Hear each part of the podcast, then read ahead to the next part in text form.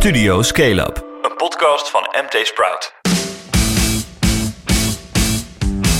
Dames en heren, van harte welkom bij de derde aflevering van Studio Scale-up, de wekelijkse podcast van MT Sprout, waarin ik, Remy Gieling, het laatste nieuws doorneem over startups, scale-ups en de incidentele fuck-ups. En dat doe ik, zoals altijd, samen met mijn trouwe bondgenoot Philip Buters. Ja, dat ben ik. Philip, is de 3 kilo tonisch zeezout karamel inmiddels al op? Oh, dat is echt een kwelling, jongen. Ik, ik doe dus minder suiker in verband met corona. En uh, dat werkt. Maar niet als je huisgenoten elke dag weer zo'n reepje uit de kast trekken. Maar goed, we zijn er bijna doorheen. Dus de, de marteling, uh, wat dat betreft, de, de chocola is slaafvrij. Maar ik ben een beetje slaaf van mijn uh, driften. De zucht naar suiker. Maar goed, het is bijna, het is bijna op, gelukkig.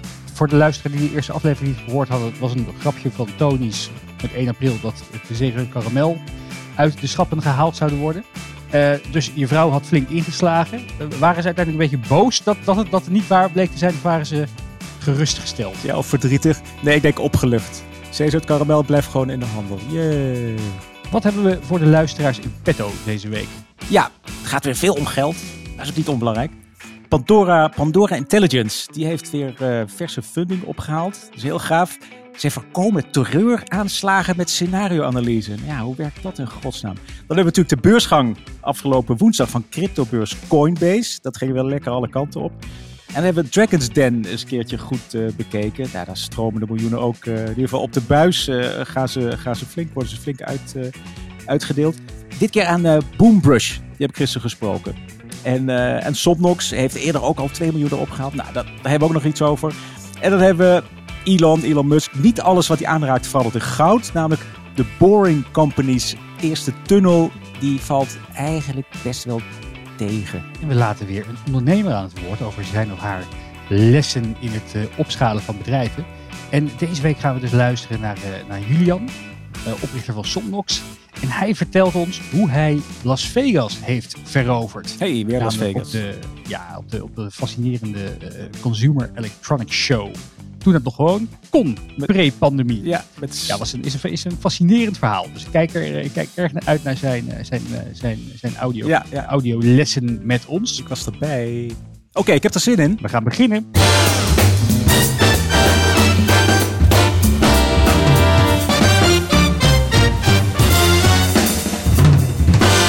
Eerst een bericht van de sponsor van deze aflevering, Oracle NetSuite. Het nummer 1 cloud business management platform. Dat wordt gebruikt door startups en scale-ups wereldwijd. Ben je het zat om je bedrijf te beheren met ingewikkelde spreadsheets? Stap dan over naar NetSuite en je krijgt in één oogopslag inzicht en controle over je financiële data, sales forecasts, voorraden en nog veel meer. Wil je weten wat NetSuite voor jouw bedrijf kan betekenen? Download vandaag nog de whitepaper Renderen kun je leren zo wordt jouw bedrijf ook een geldmachine op mtsprout.nl slash netsuite. Dan gaan we door naar de eerste onderwerp van vandaag. En dat is Pandora Intelligence. Flip, wat is Pandora Intelligence ook alweer? Ja, dat, dat is iets ja, heel spannends. Dat is een bedrijf van uh, Peter de Kok met K-O-C-K en Art Jol. En die zitten in uh, Intelligence as a Service. En wat zij doen is uh, data-analyse waarmee zij misdaad zelfs terreuraanslagen kunnen voorkomen. En het hele bijzondere van die data, dat is natuurlijk real-time data, historische data. Maar de crux is dat zij plots uit films en boeken, dus echt scenario-analyse, die plots, die leggen ze over ja, de werkelijkheid. Die zetten ze uit tegen de werkelijkheid. En het kernidee is dat fictie en werkelijkheid, die bootsen elkaar na. Ja, dat klinkt als, uh, ja, niet als abacadabra, maar gewoon van, nou, leuk idee, zal niet werken. Nou, het werkt dus echt.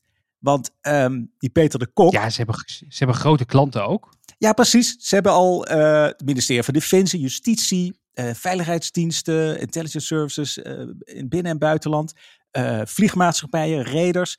Allemaal partijen die echt ehm, ja, er belang bij hebben om misdaad, terreur zelfs, heel, in een heel vroeg stadium in de voorbereidingsfase al op te, op te sporen. Of ook te voorkomen dat, dat lading. Nou ja, je wil gewoon niet te veel cocaïne in je schip. Uh, als, het niet van, als het niet van jou is. maar het lijkt dus echt heel erg uh, uh, luchtfietserij. Maar het mooie, die Peter de Kok, daarom zeg ik ook KOCK, die is gewoon politieman geweest. Die man die heeft eerst het eerste deel van zijn carrière, van zijn leven, heeft hij documentaires gemaakt. echt echt oorlogs- en crisisdocumentaires. Hij zegt zelf, nou, op een gegeven moment was ik al het geweld zat. Maar hij had genoeg contact gehad met de politie en andere uh, diensten die je wel eens vastzetten. Als, als regisseur, uh, maker van die documentaires. Hij had toch een fascinatie ontwikkeld, ging naar de politieacademie. En op die politieacademie dacht hij van, hey, zou je al die plots, uh, ja, de werkelijkheid bootst films na en, en andersom zou je daar niet mee kunnen voorspellen, kunnen, analyseren in, in, combinatie met allerlei data. Daar heeft hij een scriptie over geschreven en heeft ook als een soort afstudeeronderzoek, als een soort proef van bekwaamheid, heeft hij op een gegeven moment uh, als een praktijkproef dat ze uh, acht aanslagen op FIPS gingen ze in één dag gingen ze plannen. En dan moest een teampje met gewone middelen van, van de terreurbestrijding, ik weet niet welke eenheid het is, moest dus proberen die aanslagen te voorkomen. En hij deed dat met een paar familie en vrienden, met zijn systeem, met zijn data. En hij zei, ik had acht van alle acht potentiële aanslagen, wist ik op tijd te voorspellen. Dus heb ik echt kunnen voorkomen. En hij zegt ook, afgelopen, ja, en afgelopen tijd, uh, dat is misschien al twee, drie jaar terug, heeft hij echt een terreuraanslag kunnen voorkomen met dat systeem. Ik snap niet hoe het werkt. Ik bedoel, Remy, data en AI, data science, dat is een beetje jouw afdeling. Hoe kan het nou? Ja, hoe kan ik nou de computer vertellen, oké, deze, uh, dit is Ocean's 11, uh, ja, ja. Uh, nou, uh, hoe kan ik dat in een computer stoppen? En zegt de computer, oh, wacht, in uh, Utrecht Casino wordt morgen overvallen. What the hell? Ja, dit, dit, dit is natuurlijk de, de wonderenwereld van, van, van deep learning en, en, en, en neurale netwerken, waarbij je gewoon extreem veel datapunten in, in een computer kan stoppen. zoveel data waarvan wij mensen al snel door de boom het bos niet meer zien. Maar waar je als, uh, als, uh, als, als datawetenschapper een soort van knowledge graph van kan maken, noemen ze dat dan. Hmm. En die, kan, uh, die systemen kunnen dan heel razendsnel onderlinge verbanden herkennen. Ja, ze hebben 3 miljoen funding gekregen. Wat gaan ze met het geld doen? Ja, we, we noemen net die klanten, justitie, de, de, allemaal mensen die misdaad moeten opsporen. Maar denk eens aan de banken. Die hebben ook als taak om witwassen tegen te gaan. En dat doen ze met wisselend succes natuurlijk. Uh, dat hebben we de afgelopen jaren wel gezien. Ze krijgen allemaal boetes uh, omdat ze toch te weinig doen. Zullen niet zeggen dat ze eraan meewerken. Maar het is ook heel veel. Het kost heel veel geld, heel veel mankracht om al die ongebruikelijke transacties uh, te checken en de herkomst van.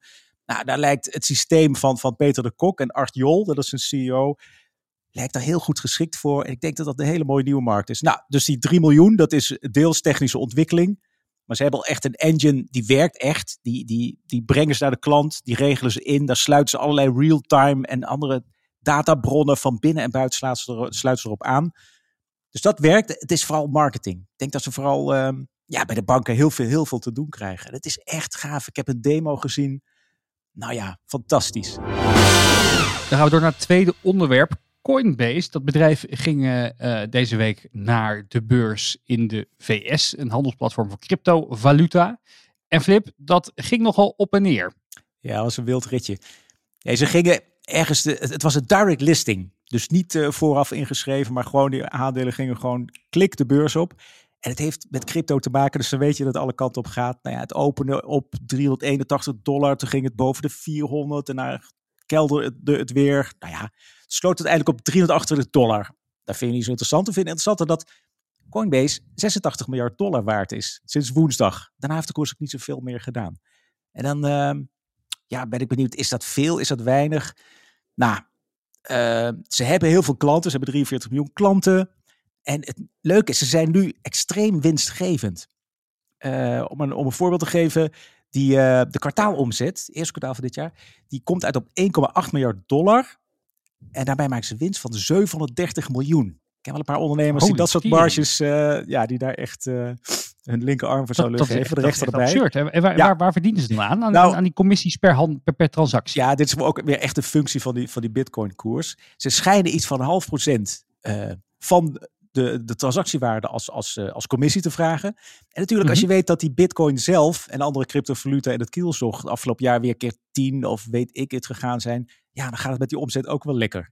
En dan zeggen natuurlijk de, de analisten van ja, wat omhoog gaat, zal ook wel omlaag kunnen gaan. Dus zolang er gehandeld wordt met, met bitcoins die, ik geloof vanochtend was het 61.500 dollar. Zolang die bitcoin uh, ongelooflijk hoog gaat, gaat het ook hard met, uh, met Coinbase. Maar het gaat, kan net zo hard omlaag uh, gaan. Maar ja, het is wel heel interessant. Dit is de eerste crypto listing aan een echte beurs. Dus de eerste echte crypto bedrijf. Dit is ook echt een betrouwbare, ook de grootste uh, beurs voor, voor uh, cryptovaluta. Dus uh, dit is nu echt een beetje weer een, een, brug, een nieuwe brug tussen de cryptowereld, die toch een beetje onoverzichtelijk, schimmig soms ook is, en de bovenwereld, waar gewoon ja, de Nasdaq, de keurige beleggers en investeerders bezig zijn. We gaan luisteren naar oprichter Brian Armstrong, want wat heeft hij te vertellen over zijn bedrijf? The company has been through this period for so long now that uh, crypto has gone through so many like big run-ups and then there's a correction and then a big big run-up and a correction. I think that's happened five times now. So we've just kind of come to accept that this business is going to be very cyclical and we're going to grow very deliberately and carefully through this, um, through all these ups and downs. Um, I want, like I said earlier, I want everybody to have a long-term view. So I'm much more concerned about, you know, how do we get crypto to be used by a billion people in five years than I am what the price did this week. Flip, dit was uh, een opname van een paar jaar terug. Hij is een beetje schuw, hè? Je, je komt hem weinig tegen. Ja, precies. Want ook de, ook de interviewtjes rond die beursgang deze week lieten doen door zijn CFO. Die kan het ook goed uitleggen. hij is, ja, weet je, hij is ook een beetje een saaie man. Nou ja, wat minder saai. Hè? Hij heeft 40 miljoen aandelen, dus hij is nu rond de 10 miljard dollar waard bij de huidige koers van Coinbase. Hij is een beetje saai doet. Hij is, hij is volgens mij programmeur. Hij heeft tien jaar als ondernemer een site gehad waar, waar volgens mij cursussen op werden aangeboden. Of hè, een soort marktplaats, overzicht van, van universiteitscursussen. Heeft een jaartje bij Airbnb gewerkt, ook wel als developer. En in 2012 begon hij met Coinbase. Nou, hij is, uh, hij is wat minder, uh, hij is wat interessanter geworden. Maar ook heel erg leuk, dat FD weer, Financiële Dagblad, credit where credit's due, die heeft uh, Wouter Kneepkens opgespoord. Dat is grappig. Dat is nog een oude bekende van ons. Um, die heeft onder meer... Ik wel even diep graven hoor. Ja. Wie was het ook alweer? Ja, oprichter van de Favor, It.it en uh, Sentiment. Dat Ja. was een Oh ja, beurskoersvoorspeller. oh ja, ja, ja, ja. En hij heeft ook een van de drijvende krachten was, was hij achter Startup Juncture. Was ook eigenlijk een Oh prima site die nu eh, vrijwel stil ligt. Helaas, ja, Maar de zielen. hij werkt vanuit Singapore. Hij is dus eh investeerder, start-up. Maar hij heeft dus in het begin, 2012, heeft hij via een, eh, een angel platform, heeft hij een paar duizend dollar eh, geïnvesteerd. Hij wil niet zeggen hoeveel, maar toen waren het enkele tientallen founders die elk gemiddeld 4500 dollar deden. Hij wil niet zeggen hoeveel dollars die erin heeft gestoken. Hij, weet, hij wil wel zeggen dat het elke dollar die hij erin heeft gestoken keer 2513 gegaan is. Dus vergeleken daarbij is zijn bitcoin winsten eigenlijk maar, eh, maar peanuts. Dus nou ja, zegt dat hij er eh 2000 dollar in heeft gestopt. Dan is hij weer 5 miljoen rijker. Dus eh, dat is hem gegund. Wouter Kneepkens. Het mooie is, hij heeft ook heel in het begin in Slack, in een DoorDash wat centjes gestopt. Dus Ja, als, als, hij, als hij dus die, inderdaad die, die, die, die gemiddelde 4500 heeft gedaan, heeft hij 11 miljoen eraan verdiend.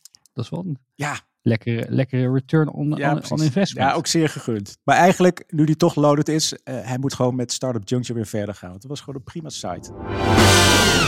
Dan is het tijd voor de ondernemer. Want elke week laten we een founder aan het woord die zijn of haar les deelt over een briljante move of geniale mislukking. En deze we- week is dat Julian Jachtenberg van Somnox. Eh Somnox, die kennen we natuurlijk van eh, de, de, de, de, slaaprobot. Yes. Dat is het ding. Ja, is eigenlijk een kussen. Een beetje een, een wokkelvormig kussen. Of niervormig. Dat helpt je in slaap te vallen. eh, door je ademhaling een beetje na te bootsen. Of een ademhaling. Dus als je daar tegenaan ligt, lekker kroelen. Dan is het heel rustgevend. En ehm, Dat ding wordt ook een beetje warm volgens mij. ja, dus het, ja. En, en volgens mij hebben ze het ook laten testen. En het is ook echt aantoonbaar. Is het eh, heerlijk. Dat is een mooi ding. En dat maken ze, of dat verkopen ze ook samen met, met Auping. De, de bergkant. Dus alle Auping-winkels eh, kun je die, die Somnox, eh Somnox halen. Nou, en bij ons... Nou, en we waren bij Auping een, pa- een paar, eh, een, een, ja- een jaartje of wat terug. Oh ja. Pre, pre-pandemie. Yep. En het leuke is dat je dus daar al die, allemaal, allemaal de- veel al dames, op een bepaalde verdieping zie je die sommige kussentjes in elkaar naaien. Echt met de hand. Dus dat is wel, het is echt, echt de ambacht wat er... Ideale wat er- partner, ja. Ja, en hij heeft Julian Somnox heeft echt een volledige carrière bij MT Sprout achter de rug. Hij is 50 onder 25 geweest, dus als jonge ondernemer heeft hij op die lijst gestaan. Startup van het jaar genomineerd. Uiteindelijk Challenger in 2020. Dus eh, nou ja, dat heeft hij goed gedaan. Julian gaat ons vertellen over hoe hij ooit eh, de, de, de wereldpers heeft gehaald. Door op de Consumer Electronics Show, de CES in Las Vegas, op een hele vernuftige manier die robots bij de journalisten aan de man te brengen. Hey, Remy en Philip. In Studio Scale-up, wat een lekkere tune, man. Heerlijk. Ik eh, heb de eerste twee afleveringen met vol genot zitten luisteren achter het stuur. En eh, het is een eer om vandaag wat te mogen komen vertellen vanuit, eh, vanuit Somnox. Ik wou het uh, graag een inzicht delen ten aanzien van in de schijnwerpers komen in het, uh, in het buitenland. Dus eigenlijk het, uh, het PR-stuk. Um, wij hebben met Somnox, hè, waar wij mensen helpen slapen met een slaaprobot, meegedaan aan de CES in 2019 was dat. De CES is, een, is de grootste consumenten-elektronica show in Las Vegas. Een, een belangrijk platform waar ook de Nederlandse delegatie vaak uh, bij is. En uh, nou ja, iedereen van over de hele wereld in de industrie van consumentenelektronica is journalisten, distributeurs, noem het maar op. Het is ook een ontzettend druk event. Hè. Er komen 300.000 mensen. Ook Apple en Google doen aan zoiets mee. En wij als kleine start-up toen der tijd nog uh, zonder funding wilden natuurlijk wel aan de schijnwerpers komen. En hoe we dat uiteindelijk hebben aangepakt vind ik toch wel een inzicht dat ik wil delen. En het is als volgt op de beurs zelf zijn ontzettend veel journalisten. Hè, Wired, The New York Times, Washington Post, The Verge. Iedereen uh, loopt daar rond. Is natuurlijk ontzettend waardevol. Maar tegelijkertijd zijn er meer press conferences tegelijkertijd dan dat je in je eentje kan bijwonen. Kortom, om de aandacht te krijgen van dergelijke journalisten is gewoon ontzettend moeilijk. Want je concurreert letterlijk met een Apple en een Google die op hetzelfde moment hun nieuwe devices aankondigen. Nou, wat hebben wij gedaan? Wij hebben uh, contact gelegd met deze journalisten. Die kwamen wij uh, onder andere tegen op de beurs zelf. En waar wij natuurlijk een product hebben dat gedurende de nacht de slaap bevordert. En op de CES iedereen bijeenkomt vanuit de verschillende tijdzones. En ook nog eens een beetje in zo'n hangaar staat. Kan je je voorstellen dat iedereen daar ontzettend vermoeid is door de hele dag op de beurs te staan. En op hun benen te staan. Dus waar die journalisten de hele dag uh, bezet waren, konden wij het idee bedenken om bij die journalisten persoonlijk in hun hotelkamer een slaaprobot neer te leggen. Nou, wat is er daardoor gebeurd? Hè? We hebben zo'n 30 robots hadden wij meegenomen. Hebben wij afgeleverd bij de receptie van de Hiltons en de, het, uh, het Caesars op de strip. En het resulteerde inderdaad dat we dus acht uur de tijd hadden namelijk de tijd dat de journalisten op hun hotelkamer waren, om ons product eigenlijk te pitchen. Waardoor we dus ontzettend veel exposure hebben weten te genereren, omdat we bij die mensen letterlijk in bed lagen op het moment dat ze ongestoord waren, niet bij andere persconferenties zaten en ook wel eens even wat uh, extra nachtrust uh, konden gebruiken. Dus dat heeft ervoor gezorgd dat wij op dat moment door eigenlijk met heel weinig budget, namelijk met enkel 20 prototypes, en het uh, vinden van de adressen van de hotelkamers van deze journalisten. In de grootste bladen zijn gekomen, hè, dus de New York Times, Wired, uh, stonden we opeens in, ook met dit ludieke verhaal en foto's. En dat heeft er echt voor gezorgd dat ook de bevoorrading die in, de, in Amerika lag, in één week is, uh, is uitverkocht als gevolg van ja, eigenlijk deze PR-stunt. Dus ja, de, de les die ik hier uithaal is: je hoeft helemaal niet mega budgetten te hebben om onder de aandacht te komen. Ook niet in het buitenland. Maar het vereist wel een uh, bepaalde mate van creativiteit en uh, ja, out of the box denken. Hey, heel veel plezier met deze show en uh, ik kijk met heel veel plezier uit naar de vervolgafleveringen. Durf je het ook aan om een briljant inzicht te delen met mede-ondernemers? Stuur dan even een bericht naar remy.mtsprout.nl en wie weet zit je volgende week in de podcast. Ja, ons derde onderwerp, Flip. We gaan even luisteren waar dat over gaat. De volgende ondernemers die geknipt en geschoren worden, komen uit een gans andere hoek. Jullie komen eigenlijk uit het bankwezen, begrijp ik. Zeker, ja. Toch? Ja. En ja, daar wordt natuurlijk iedereen eruit getrapt en alles. Was het niet leuk meer? Ja, het gaat natuurlijk over Dragon's Den. Uh, van de week was de laatste aflevering. Flip, die had, die had nog even een, een, een goede uitsmijter, hè? Ja, het is echt een heel goed seizoen. Volgens mij in totaal uh, zeggen die, die, Perdon en uh, Michel Perdon en Pieter Schoen. En misschien de andere dragons erbij, dat ze met 10 miljoen uh, hebben toegezegd de afgelopen afleveringen. Maar dit was ook een hele mooie. Dit was met Boombrush. Dat is het bedrijf van, van Elias van der Linden en Kim Hiemstra. Is een stel, maar die drijven ook samen met een andere founder Boombrush, dat is een elektrische tandenborstel, maar meer dan dat, het is een abonnement op alles wat je nodig hebt voor preventieve mondverzorging. Het klinkt eigenlijk heel logisch, uh, alsof het al honderd keer is uitgevonden, maar nee, het bestaat nog niet. En Schoen en, uh, en Peridon, vooral Schoen, die weet natuurlijk alles van abonnementen, want hij is redelijk groot geworden, Pieter Schoen, met de NLE, de Nederlandse Energiemaatschappij. Dat zijn ook abonnementen. Ja. En um, ja, de kracht is natuurlijk een abonnement op die borstel, maar iedere keer de opzetborsteltjes, de tandpasta, het flossen, het mondwater. Um, En dat gaat al best goed. Ze zijn vorig jaar begonnen met Boombrush. En die heeft al 5000 abonnees. Dus dat, dat is al lekker. En ze krijgen 650.000 euro. Althans, dat is toegezegd van, eh van Per de Schoen samen. En eh, wat ik snap wel waarom ze dat zo interessant vinden. Dat zijn natuurlijk recurring revenues. En die borstel, dat was een uitzending ook. Nou, die verkopen ze voor 69, 79 euro. Nou, daar maken ze al zo'n marge op. Dat ze eigenlijk de, volgens mij de acquisitiekosten, hè, de, wat is, wat is de, de, de, de, de, customer, wat is het? De customer acquisition cost. Oh ja, de kak. Mhm. De CNC, die verdienen ze al bijna terug met die borstel, door die borstel te verkopen. Dus dat, dat, dat motortje, dat, dat eh, bedrijft zichzelf. En daarna zijn het natuurlijk recurring revenues. En dat doet ook heel erg denken aan de Dollar Shave Club. Dat is ook een geweldig succesvol Amerikaans abonnement op alles wat je nodig hebt om je, om je, je huid een beetje glad, eh, glad te houden. Scheerabonnement. King is in Nederland, hè? De, En de- Bolt King? daarvan. Ja, ja, van de Rosdi. Dat, ehm, dat is toen voor 1,2 miljard opgekocht door Unilever. Want die dacht van wauw, die vaste band met, met klanten. En, en ook een merk dat Dollar Shave Club was. En de ervaring die het biedt met zo'n doosje dat je dan om de zoveel tijd krijgt. Ja, die werden echt gillend gek ervan. Dus die hebben misschien ook te veel ervoor betaald. En eh, Elias en Kim, die zijn toch nog niet zo ver. Die hebben 5000 abonnementen. Maar die willen toch echt internationaal. En als het dan echt in de honderdduizend gaat lopen, dan hebben ze echt heel veel waarde opgebouwd. Dus ik, eh, met name Pieter Schoen, die, eh, die kan ze denk ik goed helpen. Is echt leuk.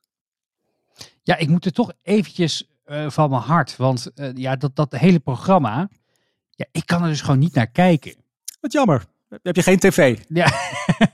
Het is ook op het internet. maar je kunt er terugkijken. Ja, ook op het internet. Nee, maar Ja. ik vind het, ik vind het, ik vind het een, een, een, een- betrekkelijk eh, walgelijk format. Hoe? Omdat het gewoon de kijker zit te belazeren. Die deals die worden gesloten, die, die worden helemaal niet gesloten daar. Die mensen die zitten met miljoenen te smijten alsof het inderdaad niks is. En vervolgens, dat hebben we, hebben we meerdere keren gehoord van ondernemers. eh, duurt het maanden voordat ze een keertje iets van die mensen horen. Dan sturen ze een of andere eh, eh, onderknuppel van het investeringsfondsje sturen ze langs. Die gaat nog een keertje drie keer, eh, drie keer heronderhandelen. En uiteindelijk heb je, heb je een, een, een, een- heel mager dealtje als je überhaupt al gefund wordt door die mensen. Dus ik vind het, het, het is zo'n nepperij. En er zitten, zitten vuistdikke NDA's achter. Die, die, die, die documenten, die, die afspraken die ze maken, mogen kosten wat kost niet publiekelijk bekend worden. Nou, dat vind ik überhaupt ook wel een beetje, een, een, beetje vreemd als met publieksgeld eh, zo'n programmaatje wordt gemaakt. En kijk, ik snap ook natuurlijk heel goed. Hè. Kijk, eh, als je, als, je, als je gaat kijken naar VC-funding of exits, het is een ontzettend eh, eh, lastig spelletje. En het gaat ook veel onderhandelen en je moet goede due diligence doen. Dus het kan ook niet dat je even op basis van een, een, een, paar, een, een- soort van slide deck vooraf misschien en, eh, en, en, en, en, en een paar minuten in zo'n studio onderhandelen. Nee, nee, dat het is dat een show. deal komt. Het is een show. Maar ja. maak er dan, wees er dan wel transparant over. Want voor de bühne, voor, voor, voor, voor, voor het gros van Nederland wat hier naar kijkt, 99% heeft geen flauw idee hoe, hoe het in, het echt in elkaar gaat. Hoe hoe het echt werkt. Die, die denken gewoon dat dit zeg maar is hoe, hoe, hoe funding werkt. Ja, nou als, als, als het glas ook even half vol mag zijn. Het is show. Dat hoeven niet alle kijkers te snappen. Het doel is natuurlijk ook een beetje educatie. Je hebt die show nodig. Het moet een beetje overdreven. Het moet heel aantrekkelijk zijn. Mooier dan de werkelijkheid. Dat geef ik toe in sommige gevallen. Maar het spreekt wel heel veel mensen aan. Want zelfs mijn moedertje van bijna 80. Die zei van, goh, dat programma met eh, allemaal die uitvinders. Die hebben dan dingen en dan krijgen ze geld. En oh, hartstikke leuk, Flip. Nou, mijn moeder kijkt dus vaker Dragon's Den dan ik zelf. Nou, als je daarmee dus zo'n breed publiek aanspreekt en ook motiveert of, of een, een vonkje hè, doet ontbranden bij, bij jonge kijkers die denken van wauw, ondernemer gaaf, dan krijg je geld. Nou, die worden vanzelf wel eh geconfronteerd met de realiteit. Maar ze gaan dat ondernemersavontuur misschien wel aan dankzij Dragon's Den. Dan eh, tot slot de Boring Company. Want eh, ja, hij, hij, er ligt een, eh, een kleine tunneltje in Las Vegas. Maar het gaat niet al te best, lijkt het. Flip, wat zijn de, wat zijn de kritieken? Ja, we blijven in Vegas, we blijven de showwereld. Als je het zo zegt, is het inderdaad letterlijk boring. Hè? Maar het is een van de betere grappen van Elon Musk. De Boring Company. Die zei in 2016, dacht hij... ah, we zijn vastgezeten in het verkeer. Geduld heeft natuurlijk ook niet. Traffic is driving me nuts. I'm going to build a boring machine and start digging. Dus hij zei, ik ga tunnels boren. En eh, op zijn mus. Dus sneller en goedkoper en eh, beter dan iedereen tunnels om het verkeer te verlichten, om het verkeer te, te, te ontzien. Ja, want in, in die Amerikaanse steden, het is ook wel echt zo, eh, het staat gewoon helemaal vast. Pre- Pre-corona, ik weet niet hoe het er nu is. Pre-corona. Pre-corona. Ja, pre-corona. Nou, en, de- Amerikaans van als je dan geld hebt, dan eh, kun je in Elon's tunnels, eh, laat je als een soort buizenpost zwoep, in je Tesla bij voorkeur naar de andere kant van de, van de stad eh, katapulteren. Dat was de visie. Maar nu de realiteit. Ja, dat is dus vorige week gepresenteerd. De Loop in Vegas. Is een tunneltje van 2 kilometer. Het is iets van, van nou, 2,5 meter. Echt heel krap. En er rijden dan Tesla's in. Nou, dat, dat is dan wel zelfrijden natuurlijk. Tesla Model 3's. 62 Teslaatjes die tuffen daar met net 50, 55 km per uur doorheen. Onder het convention center. Dus dan, nou ja, Remy, wij gaan ook heel vaak naar de 6. eh Ja, dan ben je ergens waar je niet wil zijn. En dan ben je twee kilometer verderop iets waar je ook niet wil zijn. Maar ja, je, je moet nou eenmaal. Dus het is echt ja, niet zo gaaf als die flitsende Hyperloop-achtige tunnel. Eh. Nou ja, dus het is echt boring. Dus mensen beginnen nou een beetje te morren. Eh, Ja, maar wat, wat, wat hij dan wel weer heel leuk doet, is al die, al die, eh, al die, al die rare eh, stunts om het bedrijf te financieren. Ze hadden eerst petjes. Nou, die waren binnen no time uitverkocht. Op een gegeven moment heeft hij een soort flamethrower, not a flamethrower, Oh ja, oh ja. uitgebracht. Ja. Maar misschien, de- de- deels moet je het wel serieus nemen. Ehm, dus ja, als je zo'n tunnel, eenrichtingstunneltje boort, daar kunnen dan volgens hem 4400 personen per uur doorheen. Ja, daarmee los je het fileprobleem niet op. Zeker niet als dat, nou ja, als je dan in de rij moet staan voor die tunnel, dan zijn in de file. Als het geld kost. eh, hij denkt natuurlijk ook verder. Eh, eh, dit is dan een Tesla-tunneltje, zeg maar. Hij, hij kan ook vrachttunnels. Daar kun je natuurlijk sneller verkeer doorheen, vrachtwagens of, of platforms worden het eigenlijk met, met vracht doorheen schieten. Voor voetgangers, een onderhoudstunnel. Kijk, dit is een soort vingeroefening, denk ik. En als hij erin slaagt om tunnelboren echt sneller en goedkoper te maken, dan, dan vindt dat wel een, een toepassing. Nou, en ik sluit de aflevering af met een audiofragment van ja, dit ondernemerskanon. Waarin hij zelf ook zegt dat het niet altijd makkelijk is om een genie te zijn. I think when I was, I don't know, five or six or something, I thought I was insane. It was just strange. Because it was clear that other people did not, their mind wasn't exploding with ideas. It was like, hmm, I'm strange.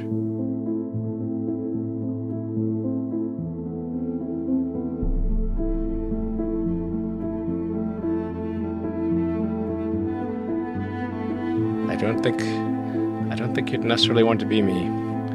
It's very hard to turn it off. Like a never-ending explosion. All the time. Dit was alweer de derde aflevering van Studio Scale-up. Vergeet je niet te abonneren op Spotify of via je favoriete podcast-app. Wil je een les delen in de uitzending? Stuur dan een mailtje naar remy.mtsprout.nl. En dat kan ook als je een aflevering wil sponsoren. Flip, famous last words. Beste luisteraars, kijk allemaal Dragon's Den terug. Alle drie seizoenen. Daarna de Shark Tank en de Britse Dragons. Het is Help, eh, geweldig. Help Jort Kelder de winter eh, door. Ehm, en Shark Tank is inderdaad wel leuk. Dat is altijd veel. Jongen, jongen. Een beetje, een op niveau. Wat de zuurpruim. Eh, heel, erg, heel erg bedankt voor het luisteren en graag tot de volgende aflevering.